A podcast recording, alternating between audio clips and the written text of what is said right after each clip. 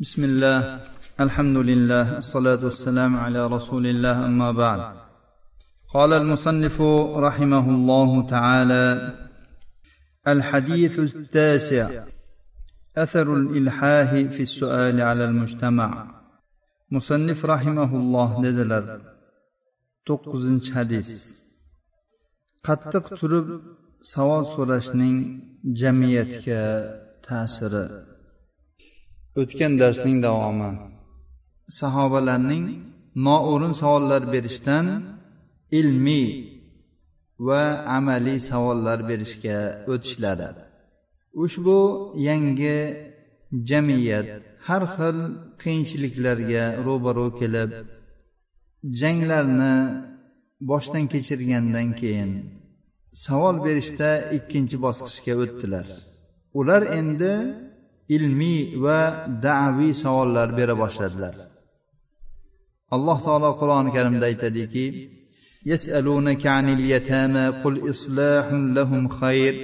sizdan yetimlar haqida so'raydilar.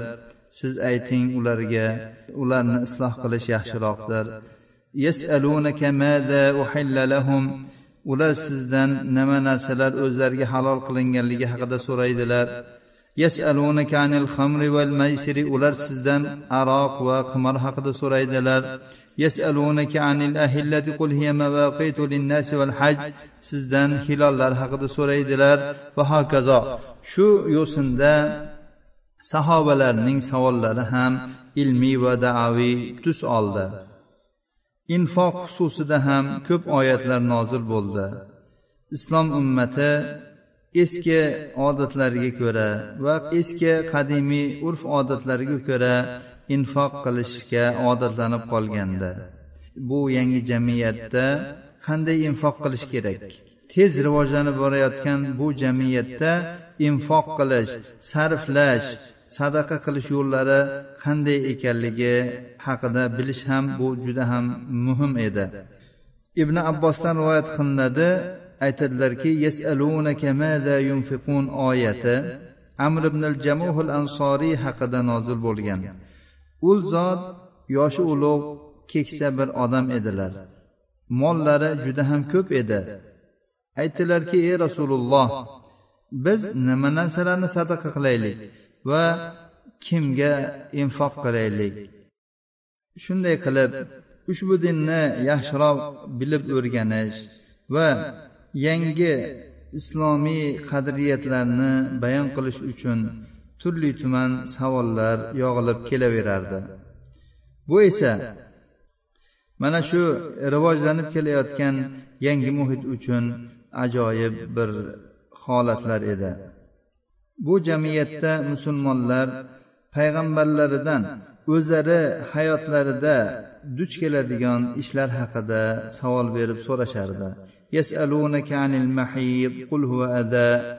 Ya'ni sizdan hayz haqida so'raydilar va hokazo oyatlar.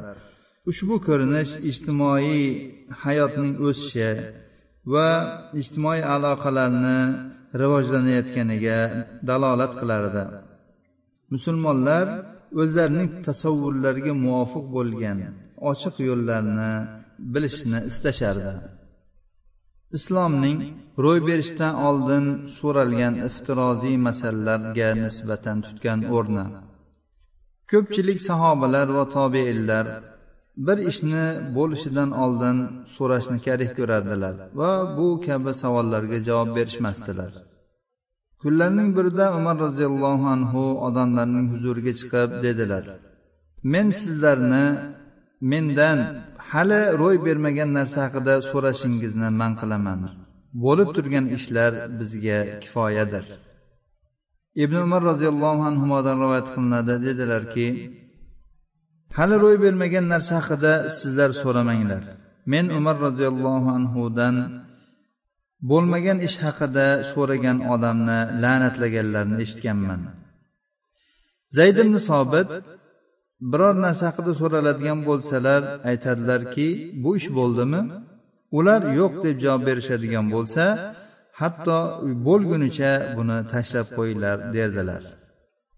Solt ibn roshiddan rivoyat qilinadi dedilar men tovus rahimaullohdan bir narsa haqida so'radim.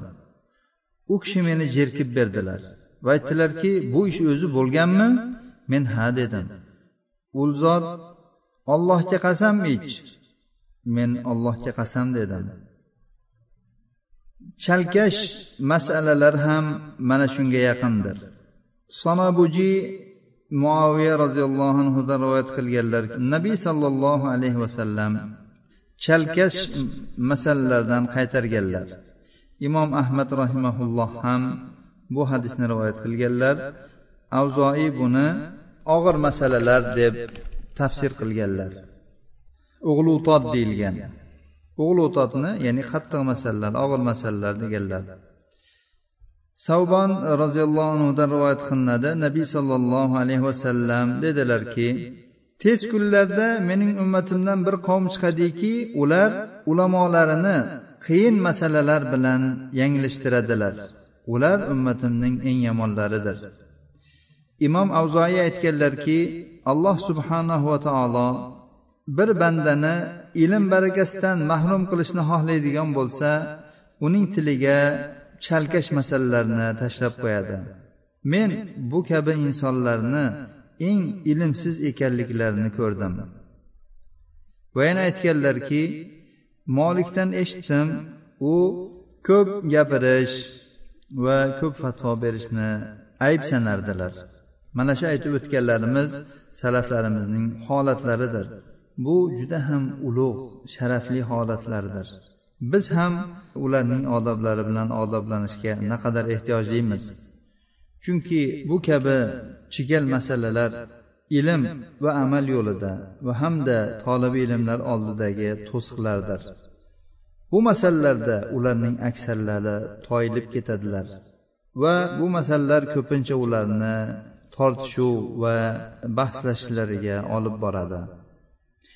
Vahb ibn munabbeh aytganlarki molikdan eshitdimki ilmda bahslashish tortishish qalbni qotiradi. Va nafratni qoldiradi nafratni meros qiladi. Mana shu ilmiy vajihlarga qarab imom navaviy ushbu hadisni islomning muhim qoidalaridan biri va nabiy sollallohu alayhi vasallamga berilgan purma'no so'zlar jumlasidan sanaganlar. Va bu hadisga behisob masalalar namoz va uning turlari kiradi deb aytganlar. Agar kishi namozning ba'zi rukunlaridan yoki ba'zi shartlaridan ojiz bo'ladigan bo'lsa qolganlarini qilaveradi deb aytganlar. Bu yerda naql komil emas. Hadisning fiqhi. Birinchisi nabiy sollallohu alayhi vasallam aytdilarki agar men sizlarni bir ishga buyuradigan bo'lsam uni imkon qadar qilinglar. Bu yerdagi buyruq targ'ib uchundir. Ya'ni mustahabga dalolat qilmoqda. Imom navoiy aytganlarki ushbu hadis purma'no so'zlardandir va islomning qoidalaridandir. Bu hadisga juda ham ko'p hukmlar kirib ketadi. Masalan namoz. Kimiki namozning bir ruknidan yoki birorta shartidan ojiz bo'ladigan bo'lsa u qodir bo'lganlarini qilaveradi. Tahorat ham shu kabidir. Avratni satr qilish yoki fotihani ba'zisini yodlagan bo'lsa zakot fitrni bir miqdorini chiqarishga qodir bo'lsa qolganiga qodir bo'lmasa borini chiqaradi yo'g'ini qoldiradi. Ramazonda uzr sababli og'zini ochgan kishi shu kunduzi asnosida ro'za tutishga qodir bo'lib qoladigan bo'lsa taom yeyishdan tiyilib turishi. Va bundan tashqari juda ham ko'p masalalar bu hadis ichiga kirib ketaveradi. Ya'ni bir ishga buyurgan bo'lsam uni imkon qadar qilaveringlar degan ma'no ostiga kiradi. Tahorat. Masalan u tahorat a'zolarini ba'zisini yuvishga qodir bo'ldi ba'zisini yuvishga qodir bo'lmadi. Yo suv yo'qligi tufayli yoki bir kasallik tufayli masalan bir a'zosiga suv tegishi unga ya'ni ozor beradi. Yo uni kasalini kuchaytiradi. Shu holatda nima qiladi? O'sha imkon bo'lgan a'zolarni yuvadi qolganiga esa tayammum qiladi. Bu tahoratda bo'ladimi g'usulda bo'ladimi? Bab barobardir masalan namoz ham shu jumladandir.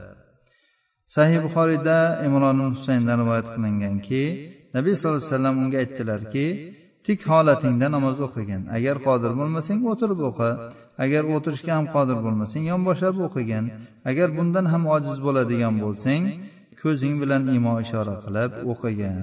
Va bu odam niyati bilan namoz o'qiydi. Rivoyat tugadi. Nabiy sallallohu alayhi vasallam men sizlarni modomiki tek qo'ygan ekanman meni ham tek qo'yinglar dedilar.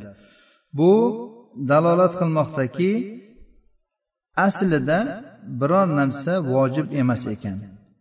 Modomiki shariat bir hukmni olib kelmas ekan bu xususda biron hukm bo'lmaydi. Muhaqqiq usuliylarning oldilarida mana shu eng sahih to'g'ri so'zdir. Chunki alloh taolo aytganki biz payg'ambar yubormaguncha ularni azoblovchi emasmiz degan alloh taolo. Ya'ni aslida biror narsa vojib emas yoki biror narsa harom emas. qachonki shariat buni hukmini bayon qiladigan bo'lsa shundan keyin ana shu hukmni oladi. yo aks holda u muboh holatda bo'ladi. Rasululloh sollallohu alayhi vasallam aytdilarki men sizlarni bir narsadan qaytaradigan bo'lsam uni tark qilinglar dedilar. Tashlab qo'yinglar uni imkon qadar demadilar. Ya'ni mutlaq ya'ni tashlanglar buni dedilar. Endi agar bir uzr holat bo'ladigan bo'lsa bu narsa muboh bo'ladi. Masalan zarurat paytida o'lim tiyni yeyish yoki majburlangan odam aroqni ichishi yoki majbur qilingan paytda kufr so'zini talaffuz qilib qo'yish va shunga o'xshagan ishlar. Bu qaytarilgan hisoblanmaydi. Majburlik holatida. Vallohu alam. Imom navoiydan naql tugadi.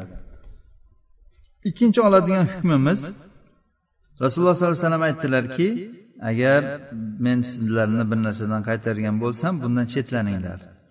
Bu barcha qaytariqlarda omdir. Bu narsadan shu mukallaf inson majbur qilingan narsalar mustasnodir. Masalan aroq ichish yoki shunga o'xshagan ishlar. Bu jumhurning rayidir. Ushbu hadisdan olinadigan foyda. Ushbu hadis madina muhitining rivojlanishining juda ham chiroyli namunasidir. Bu muhitda go'zal tarbiyaviy bosqichlar bo'lib o'tdi. Avvalda sahobalar o'rinsiz savollar berishgan bo'lsa otam kim tuyam qayerda? deb bundan sekin asta ular ilmiy va da'vatga xos savollarni berishga yuksaldilar. Alloh subhanahu va taolo ushbu hadisni chiroyli anglab yetishimizga va ushbu hadisga amal qilib behuda va bo'lmagan savollarni berishdan saqlanishimizga muvaffaq aylasin. Bu hadis aytilgan paytda va buning ortidan nozil bo'lgan oyat rasululloh sollallohu alayhi vasallamning tiriklik holatlarida edi. Lekin hozir o'qib o'rganganimizdek umar roziyallohu anhu hali bo'lmagan narsalar haqida so'ragan odamni la'natlaganligi va umuman salaflarning bo'lmagan narsalarni iftiroziy masalalarni so'rashdan juda ham qattiq nafratlangan ekanliklarini ko'rdik. Shuning uchun foydali o'rinli ya'ni haqiqatda so'ralishi lozim bo'lgan savollarni so'raylik. Aks holda biz juda ham xunuk oqibatga yo'liqishimiz mumkin ekan. هذا وصلى الله على نبينا محمد وعلى آله وصحبه وسلم.